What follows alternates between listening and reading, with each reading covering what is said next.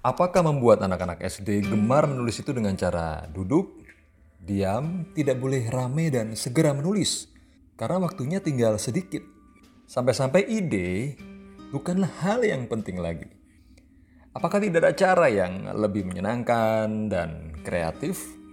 Ya mungkin sambil bergerak dan berinteraksi sehingga muncul suasana yang tidak membuat mereka jenuh, tertekan, dan lebih kolaboratif.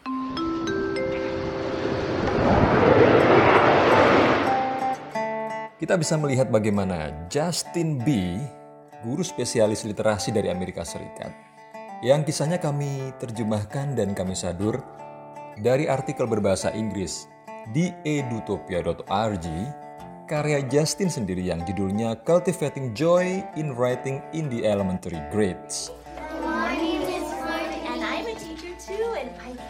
Justin menerapkan apa yang disebut dengan lingkaran literatur. Jadi sekelompok kecil anak-anak bersama-sama berdiskusi tentang sebuah bacaan berdasarkan pengalamannya dan pemahamannya masing-masing. Di kegiatan ini, mereka bertemu secara rutin dan saling berbagi konsep atau pemahaman tentang menulis, serta berdiskusi tentang topik-topik yang akan mereka tulis. Karena saat ini sedang pandemi, Jasin menggelar pertemuan mingguannya yang melibatkan dua kelompok kecil anak via online. Tiap kelompok anggotanya anak-anak umur 6-8 tahun dan 9-12 tahun. Ya mereka berasal dari berbagai negara bagian di Amerika Serikat dan Kanada. Bisa dibilang punya perbedaan latar belakang budaya dan punya motivasi yang beragam juga dalam menulis. Dengan cara ini dulu edukasi, Justin tidak hanya ingin mengembangkan kemampuan menulis siswa-siswanya, dia juga ingin membuat siswa-siswanya makin suka nulis dan bisa berinteraksi dengan teman-teman barunya dari berbagai latar belakang budaya. Kegiatan ini punya lima tujuan.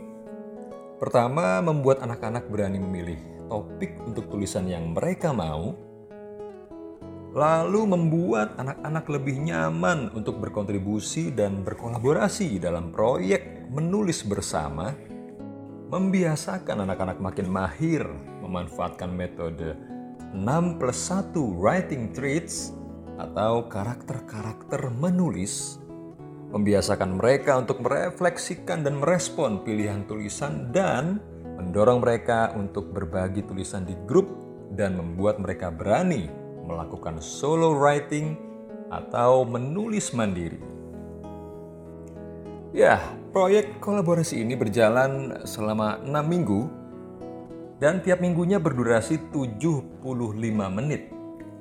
Sebagai awalan, Justin melakukan survei ke siswa-siswanya untuk mengetahui minat mereka. Kemudian mencari dan menyusun beberapa video berdurasi di bawah 3 menit yang aman untuk ditonton dan berhubungan dengan minat mereka.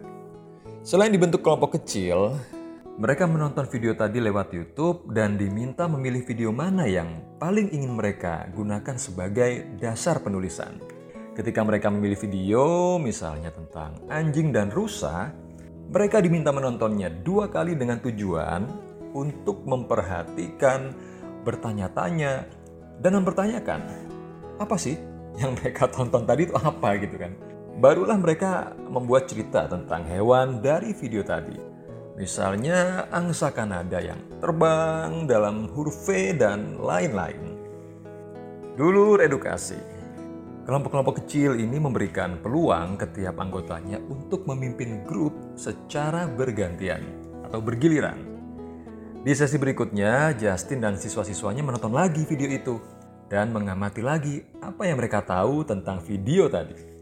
Setelah itu barulah mereka memerankan monolog batin kedua hewan tadi yaitu anjing dan rusa untuk mengetahui karakter siapa sih yang paling penting untuk mengembangkan dan makin menghidupkan cerita. Nah, poin dari kegiatan ini adalah menulis lewat drama menawarkan siswa kesempatan untuk berimajinasi, mencoba dan berbagi perkembangan cerita. Kita tahu sebagai orang dewasa menulis bisa jadi bukan hal yang gampang ya. Tapi walaupun kita tahu saya sendiri masih sering meminta anak saya kelas 2 SD untuk duduk dengan tenang dan menulis. Intinya, jangan rame. Lalu kecepatan masih saya anggap sebagai hal yang paling penting dalam menulis daripada ide, suara, dan presentasinya. Ya, lingkaran penulis yang digiatkan Justin ini justru kebalikannya dulu edukasi. Ia memberikan tempat dan dorongan yang dibutuhkan siswa untuk memperlancar proses menulisnya lewat keleluasaan bereksplorasi, percakapan kritis, dan lain-lain yang intinya tidak hanya duduk, diam, dan menulis. Menjelang sesi terakhir workshop, para siswa diminta mencari cara untuk menambah, mengurangi, dan merevisi cerita yang dibuat bersama dan tulisan tunggal mereka. Seru kan? Selain belajar menulis, di kegiatan ini siswa juga bisa bermain drama, belajar tentang orang-orang dari tempat yang berbeda, berbicara dalam bahasa yang berbeda, dan dengan pengalaman yang berbeda juga. Ya, menulis bagi anak usia SD mungkin beda dengan kita ya. Ya, mereka butuh suasana yang lebih dinamis, kreatif, dan imajinatif. Yap, semoga ini bisa menjadi inspirasi buat kita semua.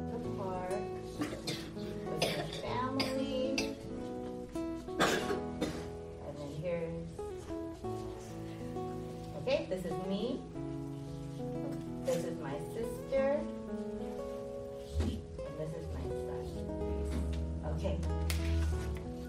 There we are. Then I saw the the slide, the big slide. Bersama saya, Bagus Priambodo di podcast MSG untuk pendidikan LPMP Provinsi Jawa Timur.